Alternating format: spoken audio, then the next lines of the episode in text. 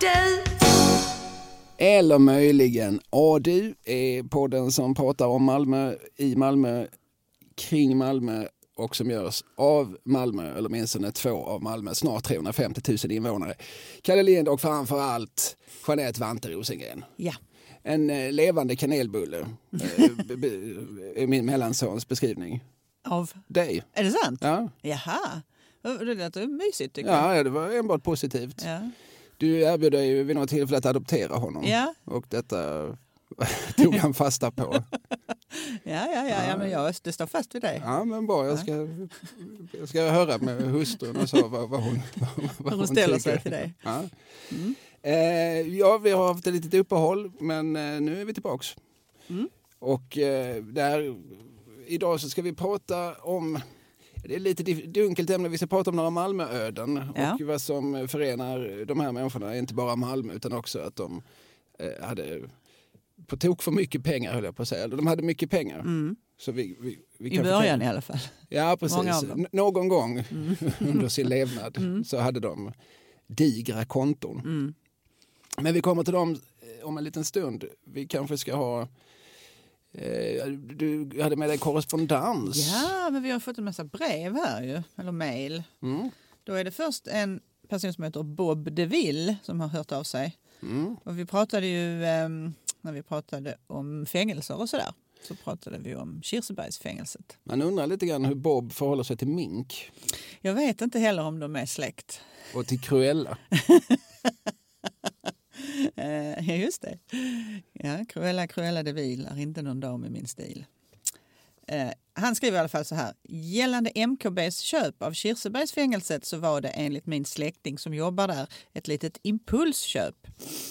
Det, Ja. bara det tycker jag är skojigt faktiskt. Ja, just det. MKB sådär lite MKB var på fyllan. för feeling. ja, vi köper ett fängelse. Ja, det var väl kul att ha. Vi har ju så många andra byggnader men vi har ju faktiskt inget fängelse. Nej, precis. Ja, fortsätter skriva så här. Eh, Det är för lite fönster för att täcka behoven för bostäder. Minst 10% fönsteryta kontra golvyta och de vill inte sätta in större fönster och förstöra fasaden. Nej, precis. Ja, men jag har anat att det måste finnas sådana problem. För att, för att jag har många gånger under min, mina Kirsebergsår gått där förbi och tänkt att det här hade väl varit cool att bo i. Mm. Eh, och sen så när man liksom har funderat vidare på det så jag, jag har ju varit en del på insidan och eh, eh, mm, ja, men, det kanske inte fungerar som, som boende Nej. vid närmare eftertanke. Och så, ja, okej, då måste man göra detta och detta och så i nästa steg då, det får man förmodligen inte göra. Nej. Det finns eh, med all sannolikhet i det land vi lever i eh, någon sorts statuter som, som säger nej. Eh, och, och ja, det låter ju rimligt. Mm. Fasaden ska ju behållas för det är ju fasaden som syns utåt. Det är ju oftast den som, den som är viktigast när det gäller sån här liksom byggnadsvård och sånt där. Alltså insidan kan man rätt mycket göra vad man vill med för den är ju inte offentlig men, men utsidan den ska liksom vara intakt. Just det.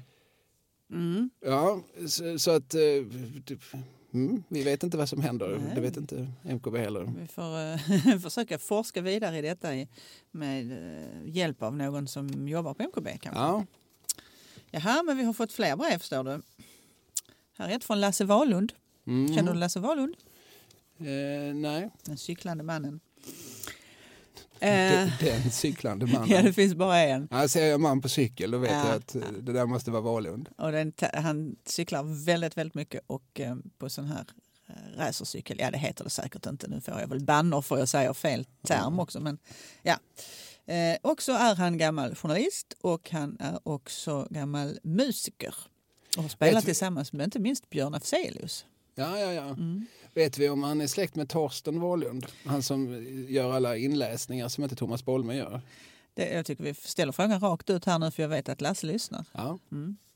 I alla fall så skriver Lasse så här, han har också lyssnat eh, på det här programmet och där vi pratade om där Sven Melander nämndes, det gör han kanske emellanåt, men då skriver han jag kan för er kännedom meddela att Sven Melander bodde på Södra Förstadsgatan 113 mittemot där varuhuset Tempo en gång låg, numera Lidl tror jag. Melander bodde också där efter att föräldrarna flyttat fram till att han flyttat till Stockholm 1972. Ronny Hellström bodde på den närbelägna Flensburgsgatan. På tal om Melander som jag har känt sedan 1962 var han kvick och slängd i käften tidigt. Han döpte bland annat fiket Wallins konditori. Vet du var vi är nu? Uppsala Förstadsgatan. Jag är nästan uppe vid Dalaplan. Just det. Han döpte fiket som ligger snett över gatan till Kongo eftersom det öppnades samma dag som belgiska Kongo blev självständigt under namnet Kongo. God fortsättning. Ja, det var inte så himla fyndigt kanske. Men, Men, eh, men nu kommer man ju aldrig att glömma hur länge Wallins konditori har funnits där. nej, precis. Ja. Men på det viset är det en god minnesregel för Mm. den som vill hålla reda på, på detta. Och sen, sen har vi en, fått ett annat mejl från en annan Lasse, Mm. nämligen Hector. Ja, Mm. ofta nämnd Ja. i, i den här podden. En, en nyckelperson, Trocadero-mannen, Precis, som har, eh, och inte minst Anita Ekberg-mannen. Precis, kompis med många Anitor faktiskt. Lindblom också ju. Men han skriver i alla fall så här. Ja, det var Git Gay som myntade begreppet kalaspingla om sig själv. Och så skriver han att Git efterlämnade 180 miljoner kronor. Det kan ju passa in idag när vi ska prata om, om rika Malmöbor. Eh, och sen så skriver han om, om bland annat att 10 miljoner avsattes till Git Gays stipendiefond. Och så tog det 10 år och så var de där pengarna sen så småningom slut. Ja, Ja, just det. Mm. Eh, och eh, jag, jag tror mig veta vem som fick en ganska stor del av eh, Git Gays eh, kaka, men det kanske inte är offentligt. Jag, jag, det var en man som jobbade på SVT, han är inte längre ibland oss. Eh, och jag vet att vid något tillfälle, och det här var väldigt spritt inom i som svensk eh, och inte minst malmöitisk nöjesvärld såklart vem det var som fick ärva Gays miljoner. Och eh, vid, vid något tillfälle var Jan Malmsjö på eh, gamla SVT-huset på Jägersro. Han var med i programmet Robins och gästade det. Och då fick Jan Malmsjö syn på den här mannen, arvtagaren, och skrek enligt uppgift på, som- jag, som jag har fått återberätta, på flera hundra meters håll så skrev han Åh, är det arvtagaren? Icke utan bitterhet. det hade alltså nått ända upp till Strandvägen i Stockholm. Det hade nått. Ja. Det hade nått. Djungeltrummorna hade låtit hela vägen. Ja, ja. Eh, och, och Git Gay blev så rik dels för att hon var en god affärskvinna, dels för att hennes shower omsatte mycket. Men sen tror jag också att hon eh, gifte sig rikt tre gånger. ja just det. Ehm, Det, det är en bra taktik också. det. Det är det ju såklart om man vill öka på sitt, eh, Sitt sin- kapital. sitt kapital. Ja. Mm. Jaha, men det var veckans korrespondens. Mm. Eh, jag får som alla andra Malmöbor tidningen Vårt Malmö. Mm. Eh, och eh, det var bara en sak som slog mig här. Vi har, för vi har ju pratat om Elma Danielsson. ja, Och, nu, och vi har också pratat om det faktum att det i Malmö inte finns några statyer över namngivna kvinnor. just precis. Inte förrän nu. Precis. Eller ska bli nu. Ja. Nej, Och här är då ett reportage just om eh, Elma Danielsson som nu alltså, ska bli eh, staty. Och vi får möta eh, konstnärinnan, skulptrisen Linnea Karlsson Mm. Eh, som eh, har tagit fram en Prototyp. En Ja. prototyp, ja. Här vi ser vi den bara i miniatyr, men vi ser Elma Danielsson i klänning med puffärmar i, som i vad ska vi säga, kanske inte agiterande men, men väl eh, argumenterande ställning. Hon är aktiv i alla fall. Ingen, en, ingen passiv staty. Nej, och, och detta är såklart ingen slump. Utan, Ja, just det. Ja, men det är väl trevligt. Och då får man ju i det sammanhanget ap- apostrofera Eva Bonde tycker jag som är den som har tagit initiativet till det här och jobbat hårt för det i många sammanhang. Och hon är också chefredaktör för den här tidningen Historiskan ju, som har säte här i Malmö. precis, och som tar upp eh, som, ja, kvinnlig historia, Mm. eller historia om kvinnor, Just det. får man väl säga. Mm. Eh, vad, vet du var den ska stå, statyn? Någonstans i Rörsjöparken, va? om jag inte är felunderrättad. Och eh, för de som inte kommer ihåg allt vi har sagt i den här podden, Va? vem var Elma Danielsson? Ja, hon var ju eh, redaktör på tidningen Arbetet. Hon var gift med Axel Danielsson. Hon var eh, kvinnosakskvinna kan man väl säga. Politiskt S-märkt, eh, engagerad. Fanns med i, i det politiska livet i Malmö. Jobbade för hårt Och vi är på skiftet 18-1900-tal. Just precis, ja, precis. Axel dog ju 1899 men hon levde ända fram till 1935. Så att, eh, det är ju den tidiga socialdemokratiska perioden. Hon, eh, framförallt är hon med och startar manliga, Malmö kvinnliga diskussionsklubb och blir ordförande där. Och, ja, kämpar för rösträtt och sådana saker. Ja. Och eh, henne kan vi snart, eller inom någon sorts framtid, Mm. Gå och titta på Ja, det är bra. under våra Malmöpromenader. Mm. Eh, detta om detta. Eh, ja, vi skulle prata om några Malmö-miljonärsöden. Mm. Eh, det är väl det som är kopplingen mellan dem. Åtminstone tre personer vi ska prata om, eller är det ännu fler? Ja, kanske fyra. Kanske fyra, vi får se. Eh, ska vi ta dem i någon sorts kronologisk ordning? Nej, det, det, alla är ganska samtida. Vi pratar, vi pratar ju 1900-tal. Mm. Eh, ska vi börja med den som vi vet minst om? Det gör vi. Ja, men jag, utgår då, jag fick en bok här som heter Jag tänker ofta på dig. Mm. Eh, skriven av eh, journalisten Tryggve Bång. Mm. Som har skrivit en, en herrans massa böcker. Of, ofta på tema Danmark eller på temat dansk-skånskt. Just det.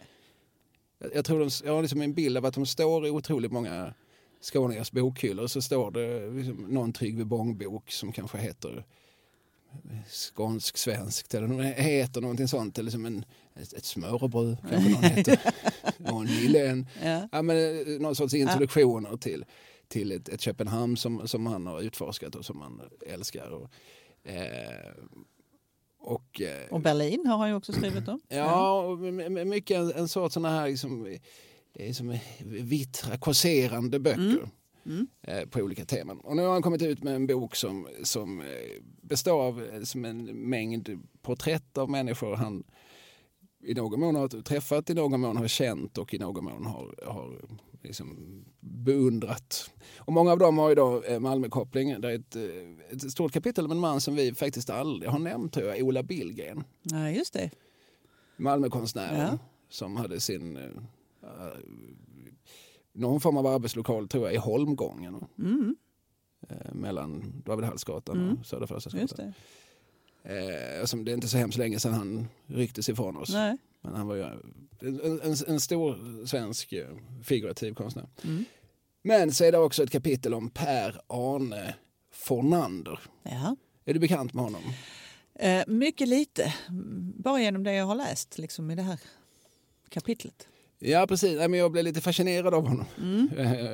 Ja, men för det, genom hela livet så har man liksom hört olika stories. Så här, där kommer den där gubben som, som samlar på eh, pantburkar. Han är mångmiljonär egentligen. Just det. Jag vet inte hur många sådana som man har fått utpekade för sig av olika människor. Och det, som hänger ihop, alltså när jag minns när jag gick på högstadiet, det var också så många lärare som det hette det om, att han är, han är mångmiljonär. Just det, som, ja, okay, hur, Inte bara miljonär, utan han är många miljonär. Precis, och du som en 13-åring, vad, vad- vet du om det? Vad har du för inblick i, Ja. i, i, i den här biologi, majens privatekonomi? Ja, men det, det, har liksom, det har alltid funnits som vissa, och, och, och jag menar, den sortens rykten är såklart alltid tacksamma som det är någon som verkligen inte utstrålar Mm. Miljonärskap. Just det. Utan liksom, det här är som en farbror som kommer som cyklande med, med, med stora plastpåsar som, som dignar av, av andras eh, bortkastade ölburkar. Mm. Han är mångmiljonär egentligen. Eh, Per-Arne Fornander, han var den. Mm. Han, han, han var en pantburksamlande excentriker som bodde i en etta på Osbygatan och som var mångmiljonär egentligen.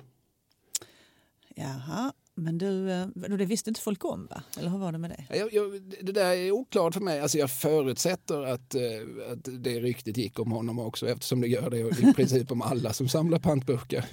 i min erfarenhet. Men, men, men han var den. Ja, Och kanske var det liksom, kanske var han upphovet till den myten.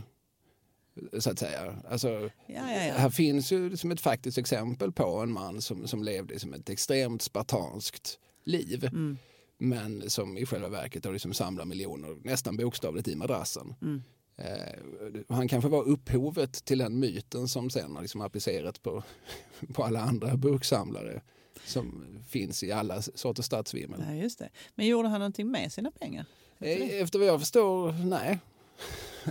Han sparade han, dem. han samlar på dem. Ja. Och sen så sa han ju till då att eh, jag hade en kompis när jag eh, växte upp som en, en dag liksom, lös lite om hans ögon. Han hade på något vis eh, liksom, hittat Alexandersvärdet som han nu skulle liksom, klyva den gordiska knuten med. Han hade hittat lösningen på hur han skulle kunna bli, eh, få en, en bättre ekonomi. Mm. Citat. Större inkomster, mindre utgifter. Det där låter ju fantastiskt. Va? Han presenterade, han la fram det som på en silverbricka Ja. som, som att han hade, nu, nu, jag har knäckt det nu, jag har Ja. knäckt koden. Det är så här man ska göra. Det är såklart. Säger du det Hansson? Säger du det? Det kan ju ingen ha tänkt på tidigare, tänkte vi gärna. Ja, men den här Fernando, alltså, Tryggve Bång skriver om honom, de, de kände varandra för att de, de bägge var eh, vinterbadare Mm. eh, och hängde på Kallis i, i föreningen Isbjörnarna. Mm. Och, ah, det, det är nog inte Kallis om vi ska vara ärliga nu. Nej, Det är Tebryggan va? Det är Tebryggan, Mm. förlåt. Mm. Eh, du ska, vi ska vara ärliga. Mm. Och framförallt ska vi vara korrekta.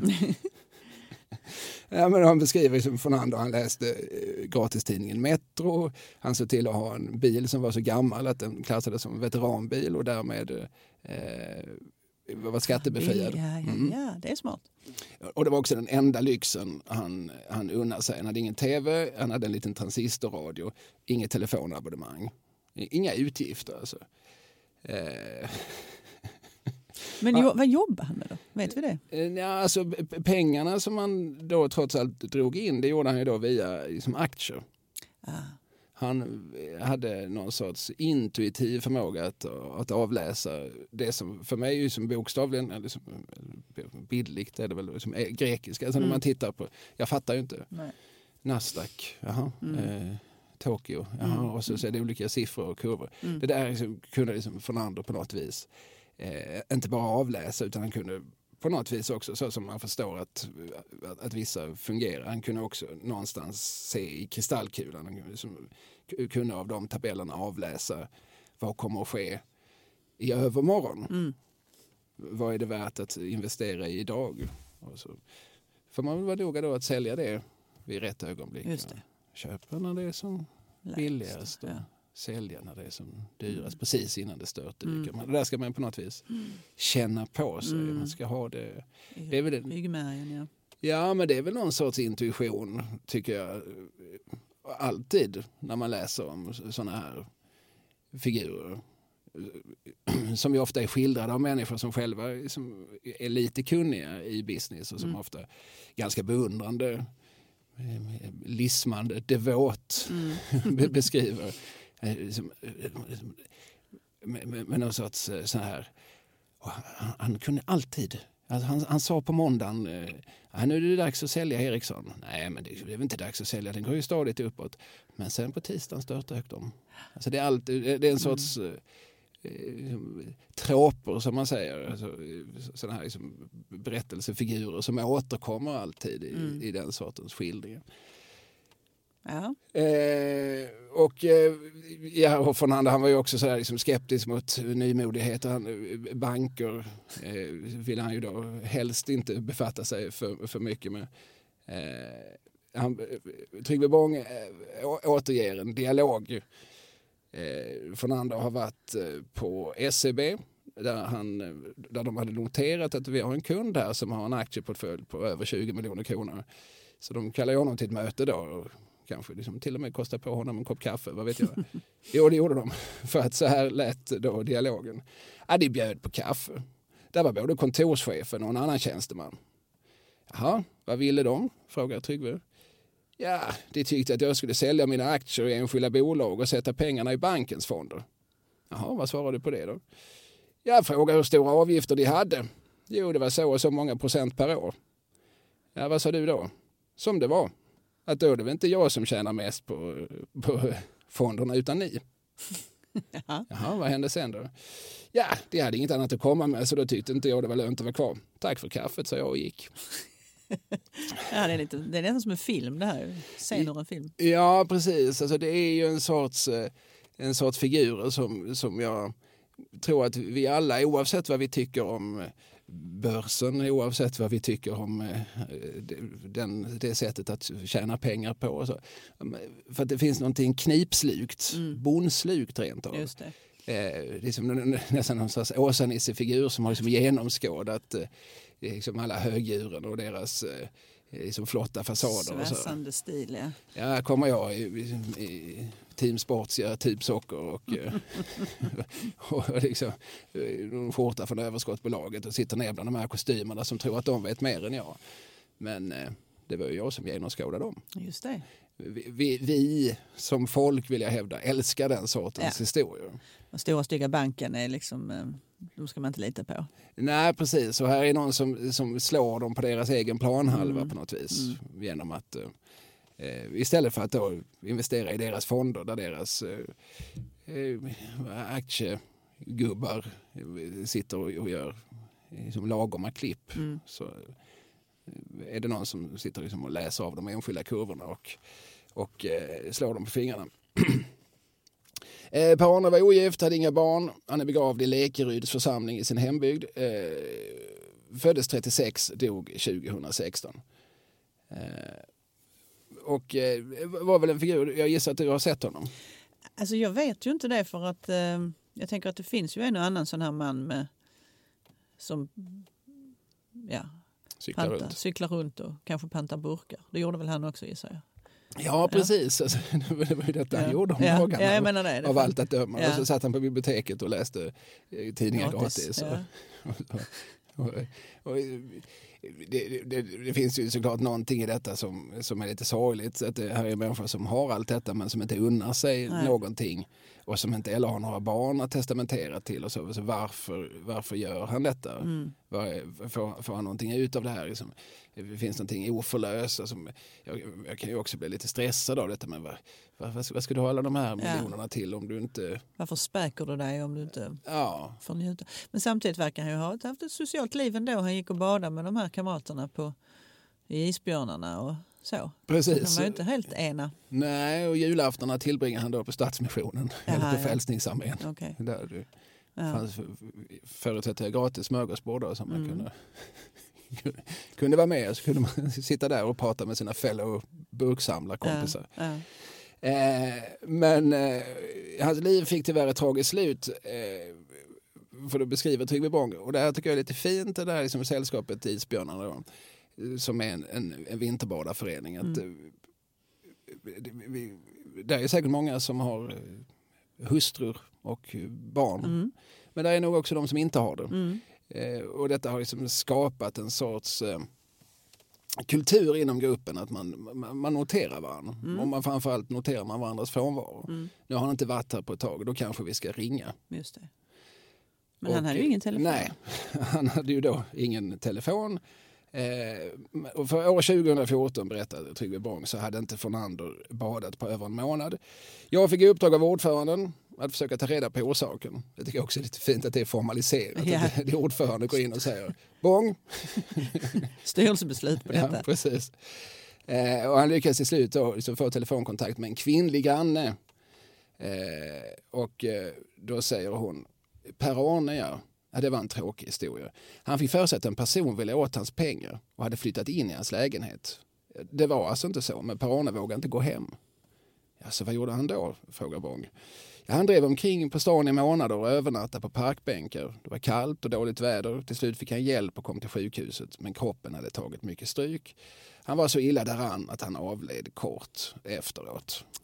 Oj, vad tråkigt. Ja, mm. alltså det fanns ju som ett inslag då också av paranoia och vanföreställningar. Ja. Och Men det här med, med just sällskap som tar hand om mm. varandra. Eh, det har vi kanske liksom snuddat vid tidigare någon gång. Men jag har ju alltid liksom hyst ett, liksom ett milt förakt mot olika former av studentikosa, sällskap och ordnar och mm. gillen och mm. olika män som träffas och hälsar på varandra på ett knasigt sätt och som sjunger så kallat lustiga visor som bara de själva förstår att uppskatta och sådär. Mm. Och så har olika medaljer och ja. krafan och jag ser det framför mig. annan skit. Bäste broder. Ja, precis. man lite. Ja, jag, jag har aldrig blivit inviterad, det är kanske ett skäl till att jag känner detta milda förakt. Men, men däremot har jag liksom förstått när jag liksom haft, jag känner ju såklart ett antal människor som är aktiva, framförallt i studentikåser, sällskap och så. Men jag har förstått att just den kulturen är väldigt fin för rätt många av dem som är medlemmar i sånt, tror eller ej, är ju ungkarlar. Ja, såklart. Ja. Och då bryr man sig lite grann om varandra också. Ja, men eftersom det inte finns någon familj Mm. så, blir det, så, så utvecklas i, i många sådana här sällskap har jag förstått en kultur att ja, men då, då, vi tar hand om Mm. vederbörande. Mm. Och dyker inte den här figuren upp på våra möten, ja då förstår vi att det är någon sorts signal att Mm. nu ska vi agera. För, för att, eh, eftersom det inte finns liksom någon annan det här liksom informella sociala sammanhanget som vi som har familj per automatik har. Just det. Och jag vet för många år sedan så träffade jag en man som var aktiv i någonting som heter Sankt Jöns Gille som är som just en sånt här Lundasällskap eh, som sorterar så många eh, som studentikosa, Spexikava, högdjur, eh, Kryddan Pettersson och Fritte Friberg och, och sådana är med. Och där var ju också Hasse Alfredson väldigt aktiv under sina aktiva år. Ja. De träff, jag tror de, de träffas någonstans utanför, eh, alltså nere i Vellinge. Jag tror det är på Allehelgonadagen varje år så träffas de och eh, sj- sjunger elaka visor om medlemmar som gått bort under året. Det, är, det är så mycket jag vet om, om Sankt Jöns gille. Eh, Men de, det berättade den här mannen som, som jag stötte på som var medlem där, att de hade också som ett löpande system att, att de ringde till Hasse. Mm. Det, här var, det här hörde jag då för 12-13 år sedan när Hasse Alfredson fortfarande levde. Eh, att eh, de turades om att ringa och höra hur det var med honom. Jaha. Och Hasse Alfredson hade ju, han hade ju familj och liksom ett rikt liv och så, men det, men det fanns ju som i, Ett system för det där ja. ja precis, man, man, vi får ringa och kolla läget. Ja. Ja, det är kärt faktiskt. Ja, vi har liksom anat, vi har liksom sett att hans entusiasm eh, sinar Ja. för varje allhelgonamöte. Ja. Och eh, det, det kanske är så att han behöver då och då liksom bli påmind om att, att vi finns och Mm. att, eh, Lite pepp helt enkelt. ja. Och, och det, ja, men, eh, när jag fick detta liksom förklarat för mig för, för länge sedan så kände jag att jag, jag är tvungen här att omvärdera en, en inställning jag har. Att eh, jag kan inte bara förakta studentikosa sällskap. Nej, nej. Jag måste också se att det finns eh, positiva sidor. Just det, en social funktion inte minst. Mm. Ja, Ja, men detta i alla fall om Per-Arne Fornander. ja. En, eh, fascinerande. ja, det är ju det. Mm. det är ju, och det här med samlande. Mm. Eh, alltså, nu samlar han väl dels på pantburkar och, och så samlar han väl också på, på just aktier. Mm. Eller liksom på pengar samlar han väl egentligen. Mm. Eh, som, Ja, vissa samlar frimärken. Precis, och det är ganska vanligt bland, bland eh, en viss sorts i alla fall, de, de mer excentriska miljonärerna. Och, och kanske också de som är liksom lite self-made. De är ofta samlare, Mm. har jag noterat.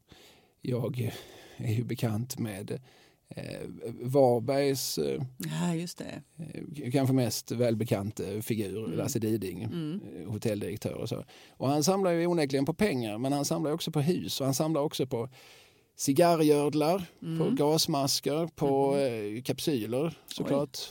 Han samlar på, på eh, allt som går Litteratur, att samla på. Litteratur samlar han på. Han har ju många, många, många, många kilometerböcker. Mm. Eh, han samlar ju också på Lenin-memorabilia Just det. Eh, och har många Lenin-statyer eh, på olika ställen runt omkring sig. Han samlar på uppstoppade djur. Han samlar på det som går att samla på. Mm. Och, och, som han själv säger, ju värdelösare eh, saker desto viktigare att, att ha många av dem. Mm. Han, han visar mig bland annat, eh, han har liksom, som, en, som en enorm konjakskupa eh, som, alltså, så ser skålen ut och den är då full med gördlarna från de cigarrer han har rökt. För man slänger ju inte en cigarrgördel efter att man har rökt Nej. cigarren Nej, nej. utan den behåller man. Aha. För att, Det kan, vara, kan man ha den till något? Nej. nej, Man ska bara ha den och, man kan absolut inte ha det till någonting. det ska bara det finnas. ska bara finnas. Så kan man då, då visa den för någon. Här är alla cigarrer jag har rökt. Ja, ja. Så får man liksom en conversation piece kanske. Jag undrar lite sådär, eh, har Lasse det din familj? Ja det har han. Han har två söner Ja. och en, en kvinna som har vett att hålla sig på lite avstånd. De är särbor. Mm. Eh, Men de, eh, hon- är en fantastisk människa. Mm. Men, men som sagt, hon, har inrättat sitt liv så att, att hon inte måste ha med Lasse att göra Hon behöver inte varje dag. städa i gördelburken efter honom. Eller så. Nej, nej. Men, och det här samlat, jag, vi sitter båda med varsitt exemplar av en bok som heter Den döende dandyn. Ja, Om konstsamlaren Ja. Fredrik Roos. Och eh, det förekommer Erik Penser en del. Mm. Erik Ja, Penser som, som ju var väldigt bekant på 90-talet. Han var ju också en sån här liksom self-made man, en klippare och, eh, och jag känner ju till honom då speciellt för att han ju har samma rötter som jag, det vill säga han är ju Eslövspåg. Just det. Hans far Wilhelm Penser var ju liksom en mycket välbekant eh, så här, stadsberömd figur. Mm. Han, hade, han var advokat och hade kontor på vid Stora torg och det hette att det gick att ställa klockan efter Wilhelm Penser. Liksom exakt samma klockslag varje dag så passerade han torget när han gick mellan, mellan eh, kontoret och hemmet för att äta lunch. Han, han var liksom den sortens lokalkändis. Mm. Och eh, alla människor, liksom, åtminstone ett par generationer Eslövsbor, vet ju vem Willem Penser var. Eh, och hade någon som personlig historia. Ja, en gång så sa han så här till mig. och sonen Erik som alltså är född, kan, han vara född 42? Mhm. Eh, så bara för att vi ska förstå vilken generation vi pratar om. Mm. Erik Penser blev ju sen på 80-90-talet eh, som en av som symbolfigurerna i den som klippar aktieboom som kom på 80-talet. Han tjänade enormt mycket pengar. Men han började sin karriär med att sälja godis på biografen Kapitol som låg på Norregatan i Eslöv en gång i Mm. tiden. Det har jag också varit och tittat på. Det är rivet nu men jag har Mm. varit i den biograf Mm. där Erik Penser grundlade sin förmögenhet. Det var där han började förstå tjusningen. Liksom. Ja, men även Penser vet jag är samlare. Han samlar Ja. på tändsticksaskar och han Ja. samlar på eh, eh, miniatyrflaskor. Han samlar på eh, löpsedlar. Han samlar på, han samlar på saker. Mm. Alltså, jag, amatörpsykologen i mig ser ju någon sorts tema här kring en viss sorts eh, personligheter. Mm, mm, Alltså där man samlar på pengar. Det är, som, det är egentligen bara en av flera saker man samlar på. mm, Alltså, man tycker, det finns som ett hoarderbeteende säger vi idag mm. eh, som är lite spännande. Ja men precis och det anammade väl Fredrik också. Han verkar också ha varit en sån här eh, Precis. samlartyp. Det står om, om detta, boken vi pratar om heter alltså Den döende dandyn och eh, handlar om konstsamlaren Fredrik Roos. Den är skriven av Karin Grundberg Wolodarski. Mm. Jag vet inte hur hon förhåller sig till DNs chefredaktör. Kan de vara gifta? Är det rent av så? Ja, eh, giss, killgissar jag här rakt ut. Men, Ja, nej, men det kan de ju. mm. Det verkar ju hur som helst vara, liksom, Wolodarski verkar ju vara ett, ett gift namn eftersom hon heter Grundberg också. Eh, boken kom för kanske tio år sedan. Och eh, som du sa, ja, Pen- Penser och Roos, deras vägar korsas någon gång på 70-talet. Och eh, de förenas inte bara i ett intresse för att göra liksom, snabba och djärva aktieaffärer utan också att de, de ser varandra lite grann jaha du samlar också på saker. Mm. Penser är nio år äldre än Roos. Mm. Roos är född 51. Mm. Eh, och eh, man, man förstår att eh, när, när de, när, de liksom, när de träffas, vad det nu är, men, det är väl i någon, någon sån här byrå som håller på med sånt. Mm. Eh, Ba- banken va? Alltså Langensköld, var det inte det? så var det. Ja. Eh, då då eh, tycker jag mig ana liksom att, eh, att, de, att de bland alla de här liksom uppåtsträvande människorna som, som, som ju alla drivs av samma sak, liksom att tjäna liksom oerhört många pengar på olika aktieportföljer, så, så finns det någonting just det där att just i den här samlarmentaliteten eh, och, som, som ju också hela tiden understryks en sorts djärvhet att, att göra affärer som kan tyckas vansinniga och som Mm. ibland är vansinniga. Alltså, Mm. det är ju inte så att allt de gör blir guld. Nej, nej. Men det är lite som det där avsnittet av Emil i Lönneberga när Emil träffar den här killen som är exakt likadan som han själv. Gottfrid. Gottfrid ja. Ja. Och det är ljuset som tänds i deras ögon. Liksom. Ja. Ja, men det är lite så. så, så också liksom att man ser också lite storebror lillebror förhållande så här. Liksom, att, ja, men här är en som är som jag. Mm. Eh, alltså, man, när, man tittar på någonting utifrån, hade jag liksom skålat in på den där banken eh, i början av 70-talet så hade jag ju bara sett liksom, kloner. Jag hade ju bara sett liksom, Just det. 20 personer som ser exakt likadana Mm. ut, som pratar exakt likadant och som vill exakt samma sak. Mm. Men det är klart att det finns liksom en massa nyanser även där. Fredrik Roos, som vi alltså ska prata om nu, som ju var en, en Malmö-påg. Mm. Eh, hans far förestod Skånska banken. Precis, Axel Ros. Minns du Skånska banken? Oh ja, min väninna som fortfarande jobbar, fast nu är det ju Handelsbanken köpte ju Skånska banken 89. Ja, precis. Ja, men det är det jag menar, det är ett tag sedan Skånska banken Ja, fanns. nej men visst och de, de låg ju på, nu hänvisar jag till det här stora kontoret på Södergatan som ju var Skånska banken då också. Det är nämligen rätt så kul därför att min väninna som, som är kamrer i banken idag jobbade också på banken på Skånska banken-tiden och har berättat om att, vilket vi såklart kommer att prata om här, men när den döende dandyn, alltså inte boken nu utan konstverket, Nils von Dardels stora berömda tavla, Från 1922, kan det vara det? säkert, säkert. den, Fredrik Roos köpte ju den på 80-talet och sen hängde den faktiskt i banken, i banklokalen där under en period. Eh, Så att kunderna som kommer in och så kunde... Den hängde enligt min väninna då vid notariat, notariatavdelningen. Ja, ja. Ja. den avdelningen. Så det kan man ju, om man är bekant med den bankvärlden. Så. Ja, hur som helst, eh, vad vill jag komma med detta nu då? Jo, om jag minns Skånska banken, absolut. Mm. Mm. Och det var en gammal liksom, gedigen institution. Alltså där Fredrik Roos var åtminstone tredje generationen. Ja, de hette ju... Sönerna, första sonen heter ju Axel där i varenda generation. Så den gamla Axel, farfarn då, han var ju eh, advokat och politiker. Eh, liberal, alltså folkpartistisk politiker. Och sen så är det näste man som också är Axel som är Fredriks pappa. Och sen så får han i sin tur med lillemor fyra söner där den äldste också får heta Axel. Och då alla det de så att de kallas för Storacke och Lillacke. Mm. Men sen när Storacke dör så blir det liksom Lillacke. Storacke Ja. och så blir det nya Axel Ja. Lillacke. Men jag fattar inte riktigt hur de gör när de har tre generationer i livet. Nej, men ja, det måste det ju ha varit då, ja, ett tag såklart. För att, eh, det, det händer ju Mm. att farfar och sonson är i livet samtidigt. Just det är det. inte alldeles ovanligt. Jag tror Fredrik Roos var 6-7 år när farfar dog. Så att, ja, det, det vet jag inte hur de Och då vet inte jag vad hans storebror Axel kallades för då måste ju farfar varit Ja, Storacke det. och, och pappa Lillacke. Sen så blev, vet vi, blev Fredrik Roos pappa blev Storacke Ja, och då blev ju hans storebror Lillacke. Men frågan är vad han kallas fram till den dagen. de borde göra som familjen Rodin, Trolle 1, 2 och 3. Mm. Ja precis, alltså, annars brukar man ju liksom ha senior, junior och den tredje. Mm. Eh, men eh, det får vara deras problem och Ja. inte mitt. Jag blir bara nyfiken. Faktiskt. Men, Mm. och, och familjen Roos de, de eh, är goda för, för många, många miljoner. Så, så Fredrik Roos föds ju som miljonär. Alltså han föds ju in i en, som en, en burgen familj. Så är det ju. Men, men diskreta på något sätt.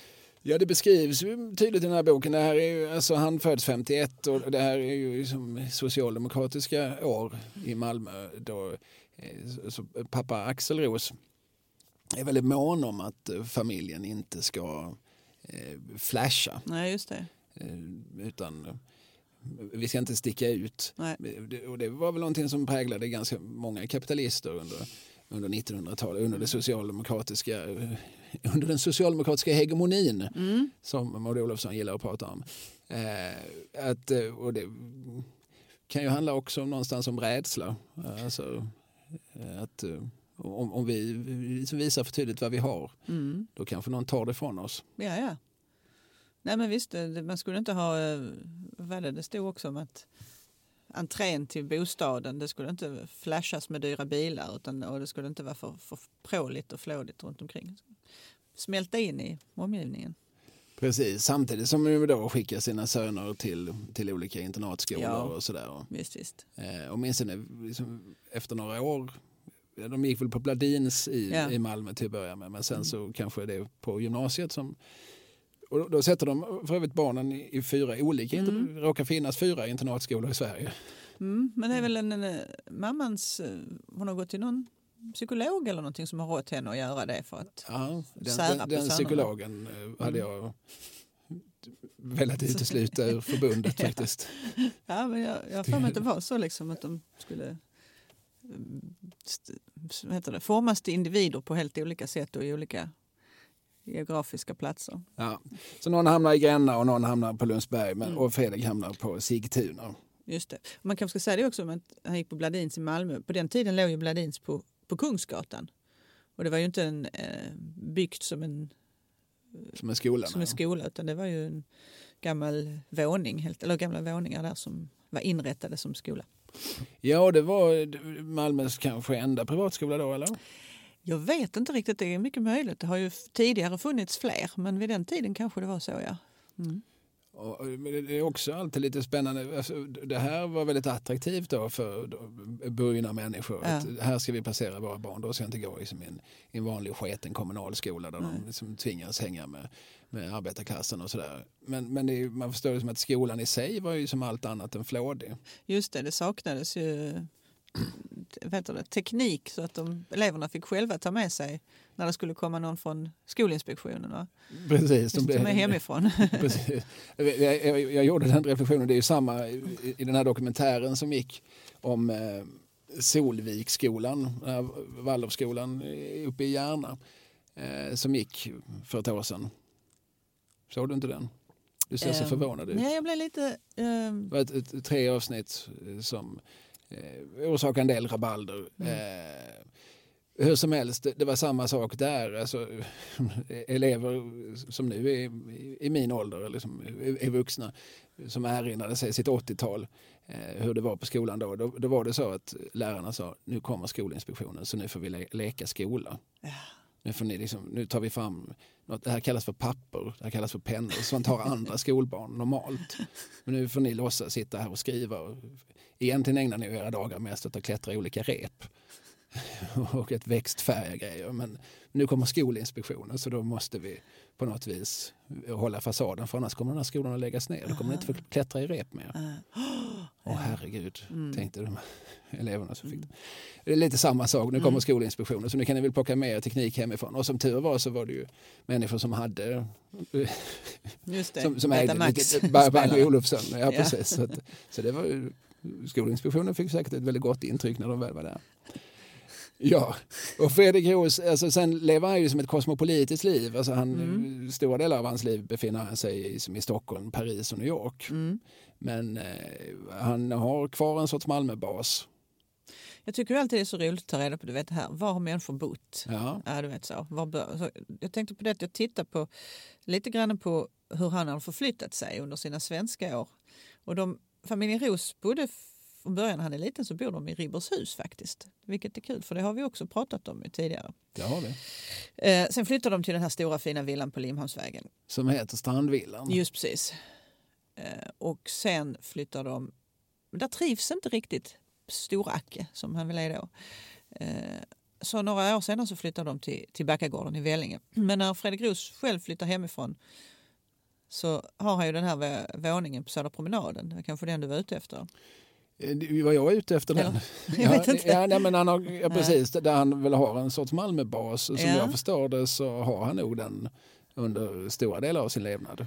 Nummer 59 och jag var tvungen att gå förbi där igår för att kika på hur ser huset ut idag.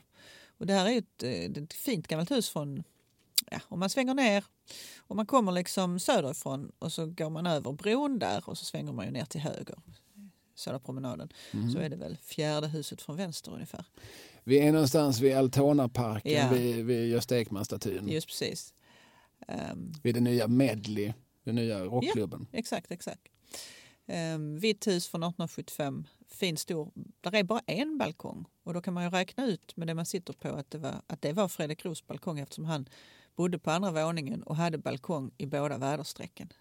Så kan man stå där och fundera över att Fredrik har stått där och tittat ut över kanalen och fundera på vilket konstverk han nu skulle köpa. Mm. Mm. Fyra rums lägenhet. Det var också familjen Johan, alltså Johan Bengt Paulsson. Han Mm. har vi ju nämnt tidigare här va? Har vi det? Kanske, eller?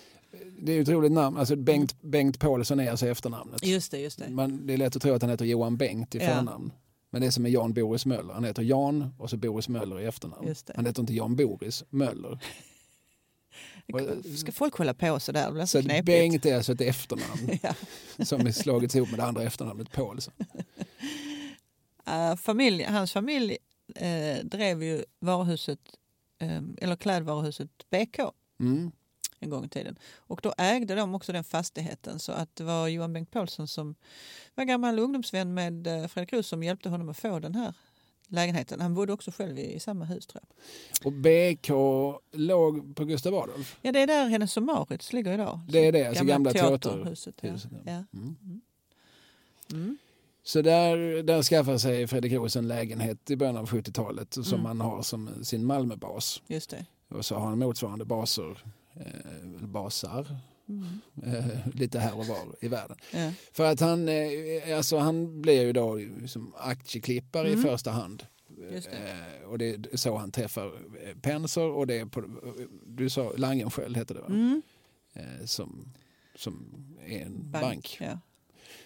Men han visar ti- tidigt ett intresse för konst. Alltså, och det, det intresset har nog, det är nog både så att det handlar om estetik, om skönhet, om eh, eh liksom, någon kraftfullhet. Men det handlar, han, han ser ju också tidigt eh, att det här är värdefullt, alltså pekuniärt värdefullt. Precis. Det var väl hans mamma som introducerade honom. Hon var ju själv väldigt konstintresserad. Hon var ju också, ska sägas att båda, båda hans föräldrar var, hade juridisk examen. Eh, men hon, vid något tillfälle när familjen var på någon semesterresa så fick alla fyra sönerna vars två litografier. Mm. Jag vet inte vad du ger dina barn när ni är på resa, Kalle? Nej, men jag blev lite inspirerad. Ja. Tänk nu att de fick varsin Miro och varsin Picasso. Ja. Ja. Det- Så det kan du gå hem och fundera lite på det. Ja, ja.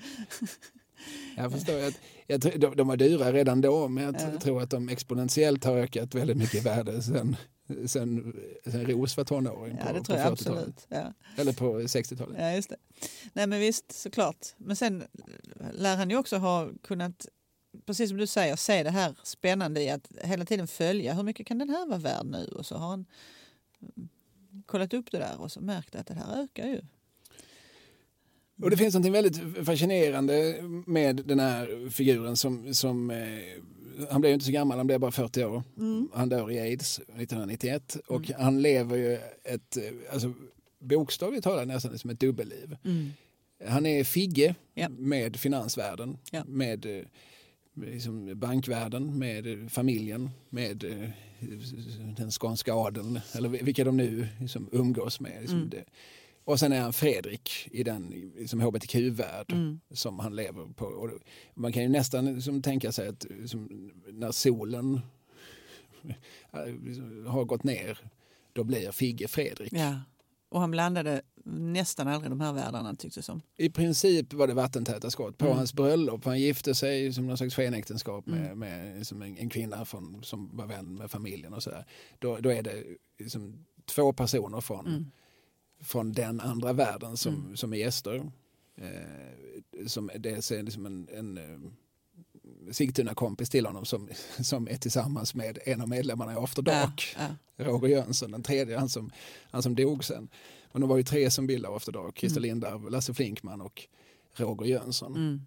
Eh, så det- den är Roger Jönsson och eh, eh, Ros kompis, de är med på bröllopet. Men det är som det en, de enda från, representanterna från den andra världen. Ja. Som, men som väl då har eh, som Sigtuna som, som koppling. Mm. Det är så oerhört sorgligt tycker jag. Ja, det är det ju. Alltså, och det måste som ha skapat en liksom, otroligt konstig ångest i en människa. Mm. Att, att så tydligt, för att den ena med, med, med sin gayvärld kunde han väl för alla liksom, absolut säga att jag är ju finansman om dagarna och jag är ju, tillhör, tillhör liksom den skånska eh, bourgeoisien. Mm. Men till sin familj så, sa han ju aldrig motsvarande, berättar han ju aldrig om den andra världen Nej. som han, som, som han ju, och som vi väl förstår kanske var den värld han helst Mm. befann sig i. Mm. Men som finansvärlden, åtminstone vid den tiden, jag vet inte hur det är nu, var ganska grabbig och homofob och ja, jargongig på något sätt så var det väl väldigt svårt. Och, och inte minst sen han blev sjuk för han, han fick ju hiv Han levde säkert med sjukdomen i tio år åtminstone. Ja, kanske, si så. Eh, innan det utvecklades till aids och han dog. Men då hade han väl haft det väldigt svårt liksom att, att komma ut på den tiden i den världen. Nu har det som tur är gått några år sedan dess. Ja, det har ju Kanske gått lättare eh, idag. 30 Ja, år. Ja, Ja. jag skulle eh, verkligen, det har vi pratat om tidigare, men, men det här är någonting som jag tycker mig ha sett under min levnad. mm, Alltså hur, hur liksom ett enormt paradigmskifte. mm, 91 är samma år som Jakob Dahlin dör i aids Mm. och det är ju lika hemligt. mm. Eh, Alltså Jakob Steg. Och Freddie Mercury va? Ja. Ja, Gör en internationell koppling. precis. Och, det, och, och, hur, hur officiellt var det? Jag tror att han gick ut dagen innan sin bortgång och eh, i ett pressmeddelande med att han, han, hade, att han var sjuk i aids. Ja. Precis, och, och Jakob Dahlins familj ville inte efteråt att det skulle komma ut utan det hette ju officiellt att det var en ögonsjukdom som just det. hade tagit honom. Och det är 30 år sedan. Mm. Eh, Som oerhört skamstämplat. Alltså, eh, bögpesten Mm, eh, sades det ju, Mm. kallades det. Mm. Eh, väldigt raljant och med, inte utan förakt. Ja, visst. Eh, så, så Ros lever i de här bägge världarna. Men, men det finns ju någonting intressant tycker jag med liksom konsthandlarvärlden. Så, som ju, det, det måste ju samtidigt varit en brygga mellan världarna. För där fanns ju många liksom, excentriker. Just det. Och det, vilket det ofta är, alltså det är ju, om man läser om excentriker från 1900-talet så är det nästan alltid kodord för bög. Ja, ja, ja. Det, det, Jo. det är väldigt ofta så. Alltså, han, han, var en flamboyant Ja. kan ju också vara Ja, det. väldigt tydligt Ja, det. kodord. Eh, och han eh, blev kompis med en man som heter Lövenadler, Mm. Jan-Erik Lövenadler. Som ju, det säger namnet Lövenadler, det något. Jag tänker på Holger Ja, Lövenhammar. precis.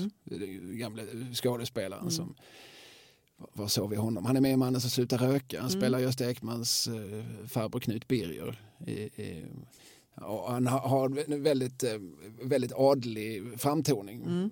Holger Lövenadler kunde inte spela statare på film. Och Lövenadler är ju liksom extremt fin Mm. adel. Mm. Eh, Men, men eh, Jan-Erik, som väl jag gissar är någon släkting då till Holger, han, eh, han lever ett väldigt så här vidlyftigt konsthandlarliv och reser mellan Paris och New York. Och han har också, det är en ganska fin liksom passus i den här boken, att Jan-Erik Löwenhaler han försöker i, i sina tonår bota sin homosexualitet. Mm. Han går på hypnos, han går på, till, i psykoanalys. Mm. Eh, det, alltså, här, på, på sin mors inrådan. Att det kan, och, och det är väldigt tydligt att eller, som jag tolkar det så säger modern det här inte för att hon tycker illa om, om, om homosexualitet utan det kommer att bli svårt för dig. Mm. Så det är bra om du kan lägga detta på hyllan och, och, och bli någon annan. Mm. Det är bra för dig om du kan göra det. Det. Och eh, Jan-Erik lyssnar på sin mor och sen efter att ha försökt bota sig så kommer han fram till nej det här går inte. Mm. Jag tycker fortfarande att, att män är mycket mer attraktiva än kvinnor. Mm. Okej, säger modern, men då, då får du göra så här att du aldrig någonsin får skämmas för detta. Mm. För tycker du inte om dig själv då kommer ingen annan tycka om Just dig det. och du kommer inte tycka om någon annan. Mm.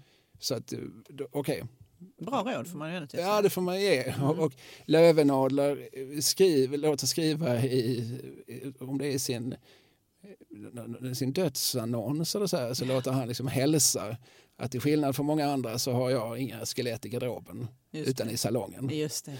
Det är ju fyndigt ja.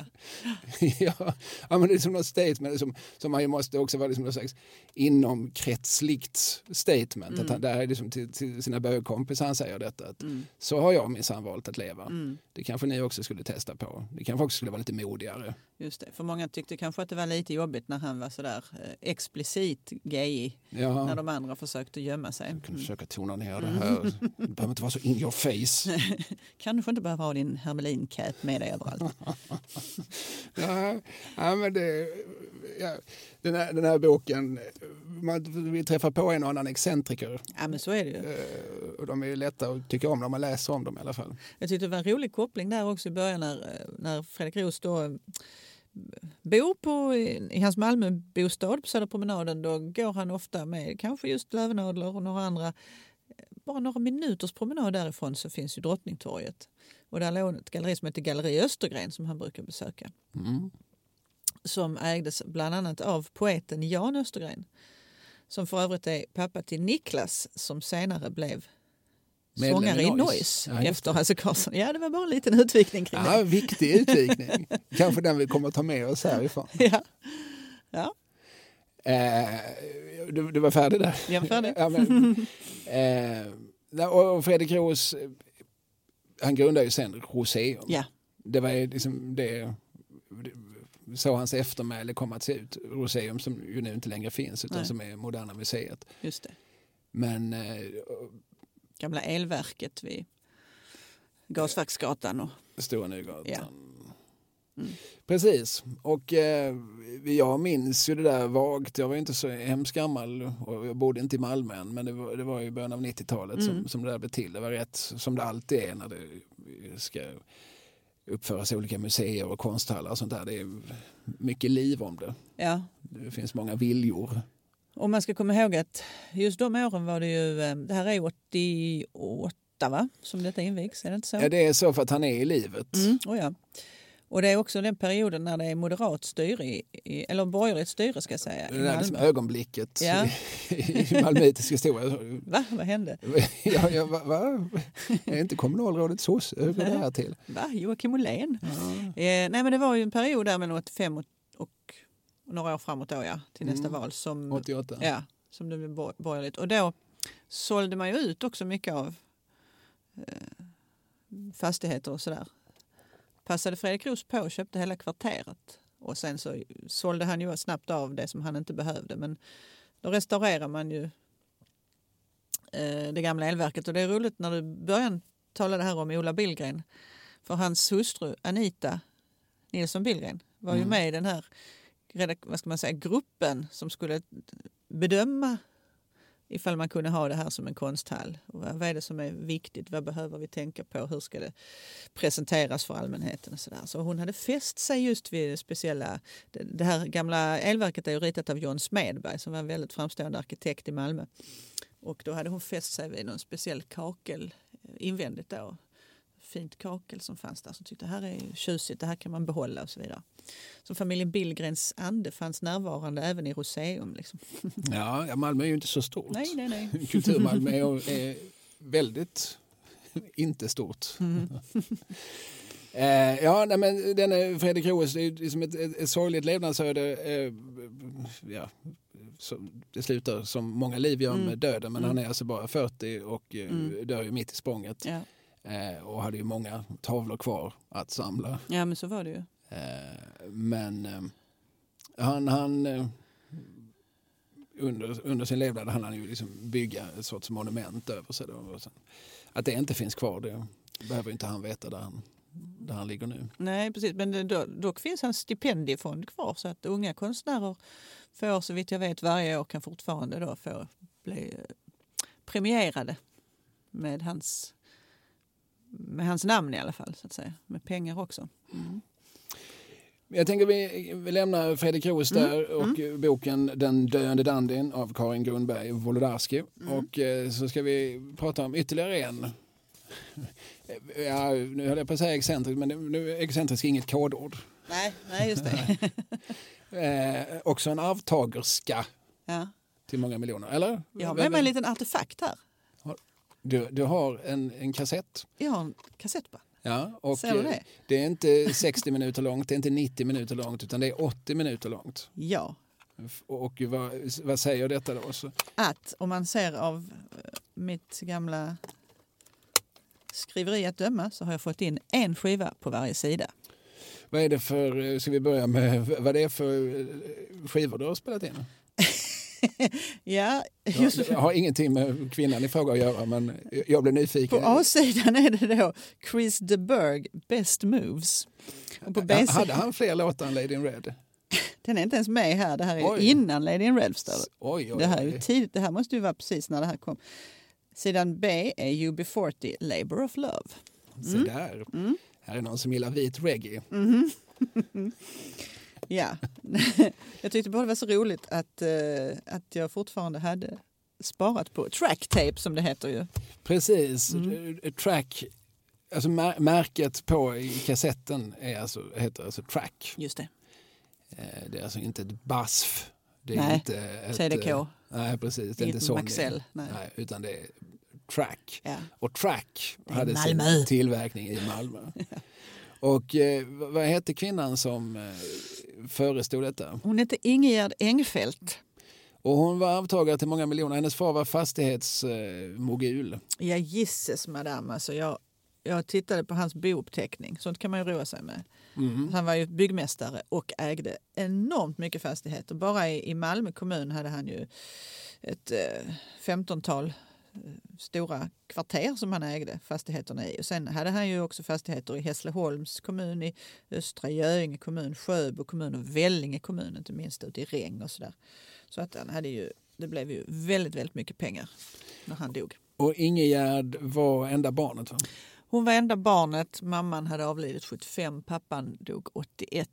Och då var hon ju, hon var född 53 alltså.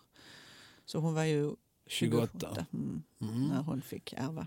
Då, plötsligt så dimper det ner oerhört många miljoner i knät på henne. Verkligen, hon hade närmare 80 miljoner faktiskt Ja, det är ju en summa. sammanlagt. Mm. Om man tänker själv om jag hade haft 80 miljoner, vad, vad skulle jag göra? Det är ju en, sån, det är en dagdröm för de flesta av Ja. oss. Men nu blir den här dagdrömmen oerhört reell för Ingegärd Engfeldt. Och sen så har hon ju jobbat i det här med sin pappa. Hon har jobbat i faderns bolag. Så det är inte så. Ja, det kommer inte från himlen, det Nej. kommer inte från ingenstans. Nej. Hon har varit fullt medveten om Ja. att det här en dag kommer att hända. Men, men, men ändå så, så är fram till att fadern dör så är det ju ändå hans pengar i, Mm. i, till, till absoluta merparten. Men nu inser hon att alla de här pengarna är mina. Visst. och jag kan göra faktiskt vad jag vill med dem. Eh, vilket måste vara både en kittlande och en ångestgivande tanke. Och särskilt som hon då ville skapa sig något eget och inte var så intresserad av att fortsätta i, i, i pappas fotspår. Hon tyckte det var tradigt liksom med fastigheter. Och han var ju ändå byggmästare. Han hade ju en kunskap och idé om hur han skulle jobba. Men för hennes del hade det bara varit att förvalta. Så det där tyckte, jag tycker det här är spännande också. Om man tittar på, och nu växer hon upp de första åren i ett hus på Slussgatan 3 som pappan själv har byggt på 60-talet. Men sen flyttar man till en villa på Bylov Hybesväg 26. Och detta är väldigt nära Limhamnsvägen. Där, väldigt nära där Fredrik Roos växte upp. Och de, det är två år mellan dem och jag vet inte, för jag har inte hunnit kolla det, om hon möjligen inte också har gått på Bladin. Så det kan ju varit så att de har känt varandra faktiskt. Alltså de har ju absolut vetat om varandra. Ja, Eh, alltså så stor är ju inte heller Malmös finansvärld. nej. Eh, Och pappa, ska sägas, eh, när man studerar hans bouppteckning, att det mesta fanns ju faktiskt i Skånska banken. Så, Ja, ja. Mm. Ja. Nej, men så, här, här finns, det vågar vi säga, Mm. att det fanns personkopplingar. Mm. Sen vet vi inte exakt hur de ser ut. Det finns en, eh, en radiodokumentär som heter Tracksdrottningen Ja. som är gjord av en kompis till mig som heter Bosse Sjöqvist. Mm. Eh, som, ja, han håller på med han är intresserad av sånt som du och jag är intresserade av. Ja, det är också han som har gjort eh, den eh, biofilm, dokumentärfilm om nämnde Lasse Diding och hans relation till Jan Myrdal. Ja, ja. Och Johnny Bode har han väl också gjort? Absolut. Eh, Han har varit här och intervjuat Lillemor Dahlqvist och, och, och badat naken med henne. Ja. Eh, och eh, han har gjort eh, radiodokumentärer om apan Ola. Han har gjort, eh, han, han kartlade en väldig massa sådana här gamla varietéartister som, som han, han liksom träffade dem, nu de döda allihop med sådana här Fakiren El Salama och eh, Gunilla av Halmstad. Hon lever fortfarande, den gamla strippan. Mm. Eh, Men, men eh, det, höll han på med under några år och, Mm. och tog kontakt med Boris Bravin, den gamla Ja. varietédirektören som sen, ja, som sen grundade Ölands djurpark. Mm. Detta om Bosse Sjöqvist. Och Han, han har näsa för udda människor och deras öden. Mm. Och han gjorde, för bara några år sedan gjorde han den här radiodokumentären Tracks drottningen. Mm. Och där kom det, det, det, det var en sak som jag minns väldigt tydligt för den som, som gjorde liksom ont i mig. Jag tror det är någon väninna till henne eller någon som kände henne som pratar och som berättar om Ingegärd Eng- Engfeldt. Att hon blev ju hon blev liksom aldrig hon blev liksom aldrig gift. Hon hade liksom aldrig något med så mycket sådär med liksom inga, inga lyckade kärleksrelationer. Hon såg ju inte så så, så hör man liksom att hon, hon kan ju inte säga att hon var ful. Nej. Men, Ja, just det. Hon Kan- säger väl så här, hon hade inte utseendet med sig. Säger hon ja, inte det? hon, hon hittar någon formulering som Ja. gör att vi, vi ändå hör det. Det är som- det är som en sorglig Mm. detalj i något sammanhang. Jag är som en människa som, som har så mycket med sig. Mm. Men som, och jag menar, ja, utseendet har ju ingen betydelse. Fast ibland har det det. Nej, och jag tänker så här, hade man sagt... Nu ska jag vara lite... Ja. Hade man sagt det om en man, för jag tänker, vilken gubbe som helst med pengar kan få vilken ung snygg tjej som helst nästan. Det gick ju bra för Onassis. Ja, till exempel. Men eh, i motsvarande fall då så eh, verkar det inte vara lika lätt. Nej, om det nu, alltså, om det nu var en faktor. Men, men, men hon, en, som jag minns det är det en väninna som säger detta. Alltså, jag menar, det handlar väl säkert väldigt mycket om en självbild. Jag tror att det var eh, faktiskt eh, eh, Arbmans, hon som var, eh, alltså reklambyrån som gjorde kampanjen. Kvinnan som säger det här, hon jobbade som någon sorts... Copywriter, ja, art director, eller någon, sånt som man jobbar med. Ja, just precis, på byrån där i alla fall. Mm. Så, mm. Mm, ja. Precis. Nej, men hon, det är liksom en, en detalj som, som ingen vill nämna men som kanske ska nämnas i Ja. sammanhanget. Ja. Det, det bidrar lite grann, trots allt. Alltså, oavsett hur hon såg ut så handlar det väldigt mycket om hur hon själv ansåg sig, sig, såg ja. ut. Och jämförde hon sig med, med eh, liksom nippertipporna runt, runt omkring henne så, så kanske hon liksom omedelbart dömde ut sig själv som, Ja. som varande liksom en spelbar pjäs på könsmarknaden. Vad vet jag. Mm. Men, men det är liksom en, en, jag, jag minns väldigt tydligt den, hur hon, den intervjuade, försöker liksom komma runt Ja. och ändå säga det. Ja. Eh, och, och, och hon blev aldrig gift och, och, och varför det blev så det kan vi ju bara gissa då. Men, men eh, som du säger, hon Trax, hon startade Ja. Trax som den stor arbetsgivaren. Precis, hon, ute i Fosie då, på Bronsviksgatan så, så startar hon, det ska ha en ny helt svensk satsning på att göra kassettband. Och som du berättade från början, det här det är genialt att det inte är 60 eller 90 band. Nej, utan det är 80 minuter. Alltså, och det är ju inte genialt i sig, men det gör ju det unikt. Ja men för på 60 band fick man ju aldrig in en hel skiva på samma, om man inte spelade in en punkskiva som var två minuters låtar. Det fick du väl, en, en LP-skiva är väl, brukar vara 45 minuter. Ja men då fick man ju inte in den på en sida. Nej, nej, du tänker Nej, så. på va- man skulle vara ekonom- det kostar rätt mycket pengar med kassettband. Ja, du fick fylla ut den med lite B-sidor och så. Ja. Och lägga på resten av sidan. Och 90-banden, där blev så himla mycket spilltid över. Om man, om man nu ville ha rena kassettband med bara skivor. Så. Ja, nej, men det var så man tänkte på den tiden när man var ung och spelade in från radion och sådär. Ja, nej, men absolut. Men- Och jag tror bara det faktum att det var en annan, en annan längd. Alltså, Ja. Vi är liksom vana vid att det finns 60 och 90 och så någon säger men titta här, Ja, här har vi 80. ja tada! Och det, sen kan vi sitta och göra analyser, men vad fan, det skiter väl jag i egentligen. Men, men det ger ju, ger ju liksom en USP, en unique selling point Ja, till, till dessa tracks. Sen var det ju såklart också, liksom, det här är ju under industrinedläggningens tidevarv. ja, Eh, Malmö blöder. ja. Eh, som Kockums är, som är på väg att lägga ner. Mm. Eh, massor av tillverkningsindustrier flyttar till låglöneländer etc. Här kommer någon och säger att jag ska starta en tillverkningsindustri i Malmö och kan liksom anställa en 20-30 personer i alla fall. Liksom, det är ju, alltså, hon tas emot med öppna armar och så har hon ju då alla dessa miljoner med sig och satsar på hon tar ju kontakt med reklamfirman Arbemans Ja. som har som Malmökontor där bland annat eh, Rune Häger jobbar. Mm, just det, Lars Lundgren. Precis eh, som eh, många av oss minns från eh, tidningar som Kvällsposten och Nöjesguiden och så. Då skrev han under eh, signaturen Rune Häger. Just det. Eh, han var copywriter på, på eh, Arbemans. Och sen hade han ju en, eh, i min ungdom så lyssnade jag mycket på något som heter Radio MCB. Just det. Malmö City Broadcasting.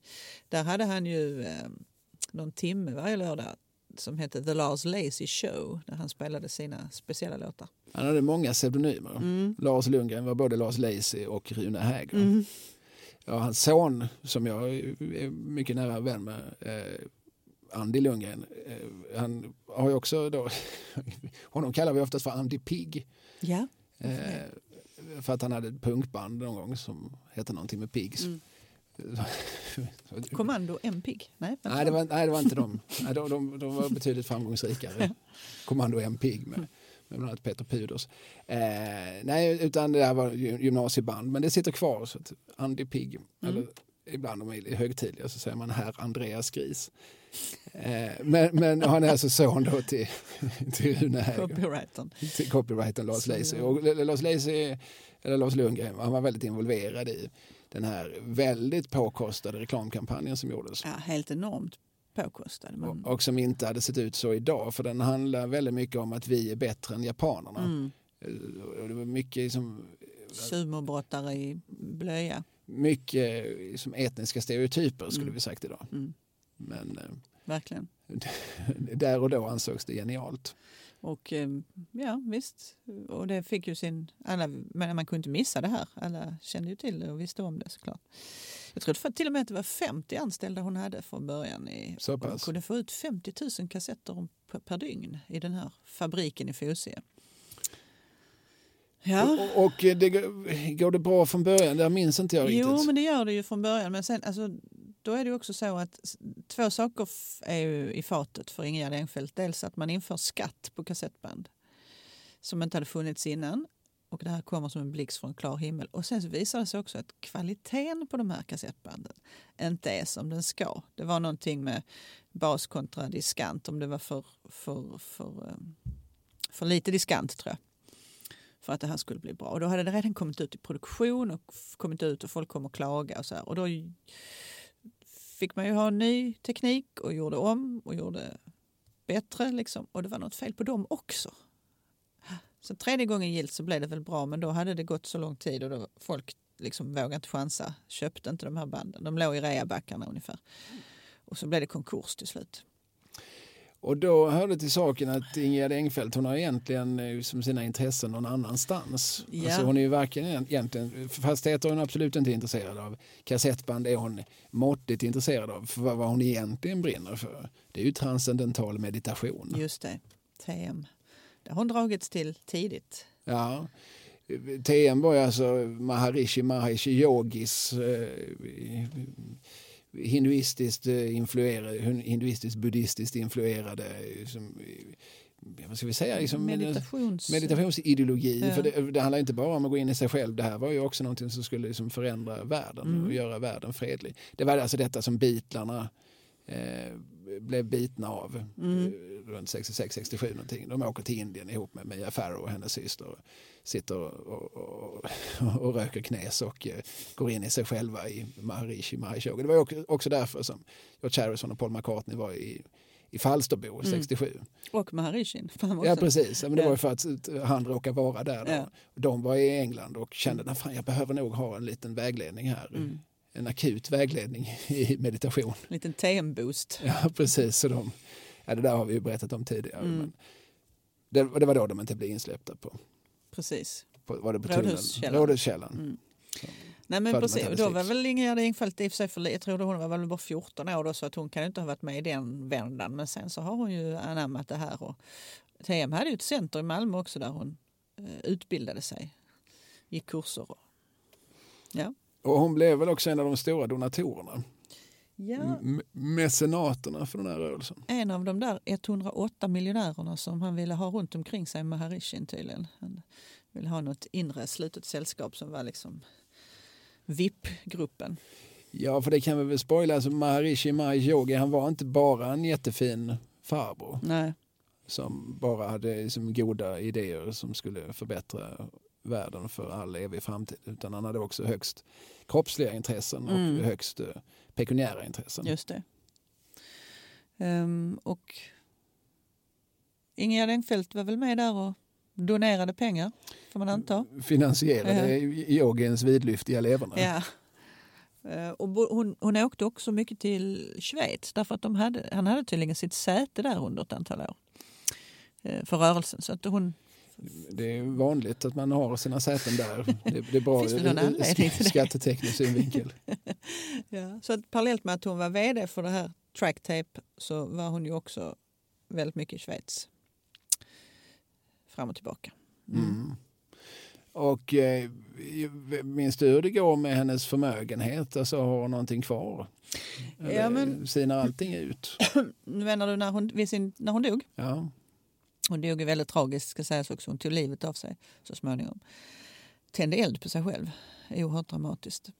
Eh, Men Eh, Det är en så väldigt, väldigt desperat handling. Alltså, Ja. eh, men det är också någonting som, man, man blir man blir ju alltid illa till mods av ett självmord såklart. Men, men när man också ska ta livet av sig på ett, på ett plågsamt sätt. mm, Då är det som att man vill göra liksom en markering. Liksom, straffa sig själv. ja, straffa sig själv och eh, som, automatiskt också som den omvärld som är kvar. På något sätt. Jag förknippar ju att sätta eld på sig själv var ju de här buddhistiska Mm. munkarna som gjorde det som i samband med Vietnamkriget som de gjorde för att, för att väcka världens vrede och värld, liksom, rikta världens uppmärksamhet mot det Just det. förfärliga som, som USA gjorde i, i, i Indokina på Mm. 60-talet.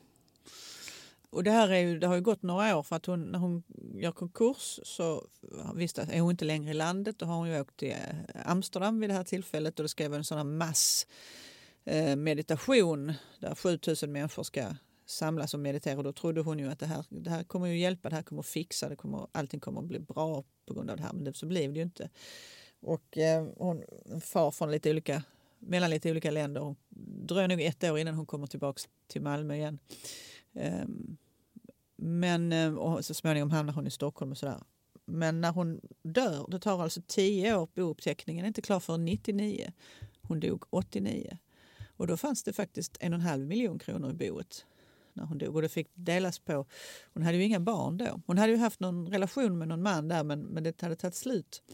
Men de som ärvde henne det var eh, en moster och två fastrar som samtliga var på ålderns höst då. Men de fick dela på den här en och en halv miljonen faktiskt.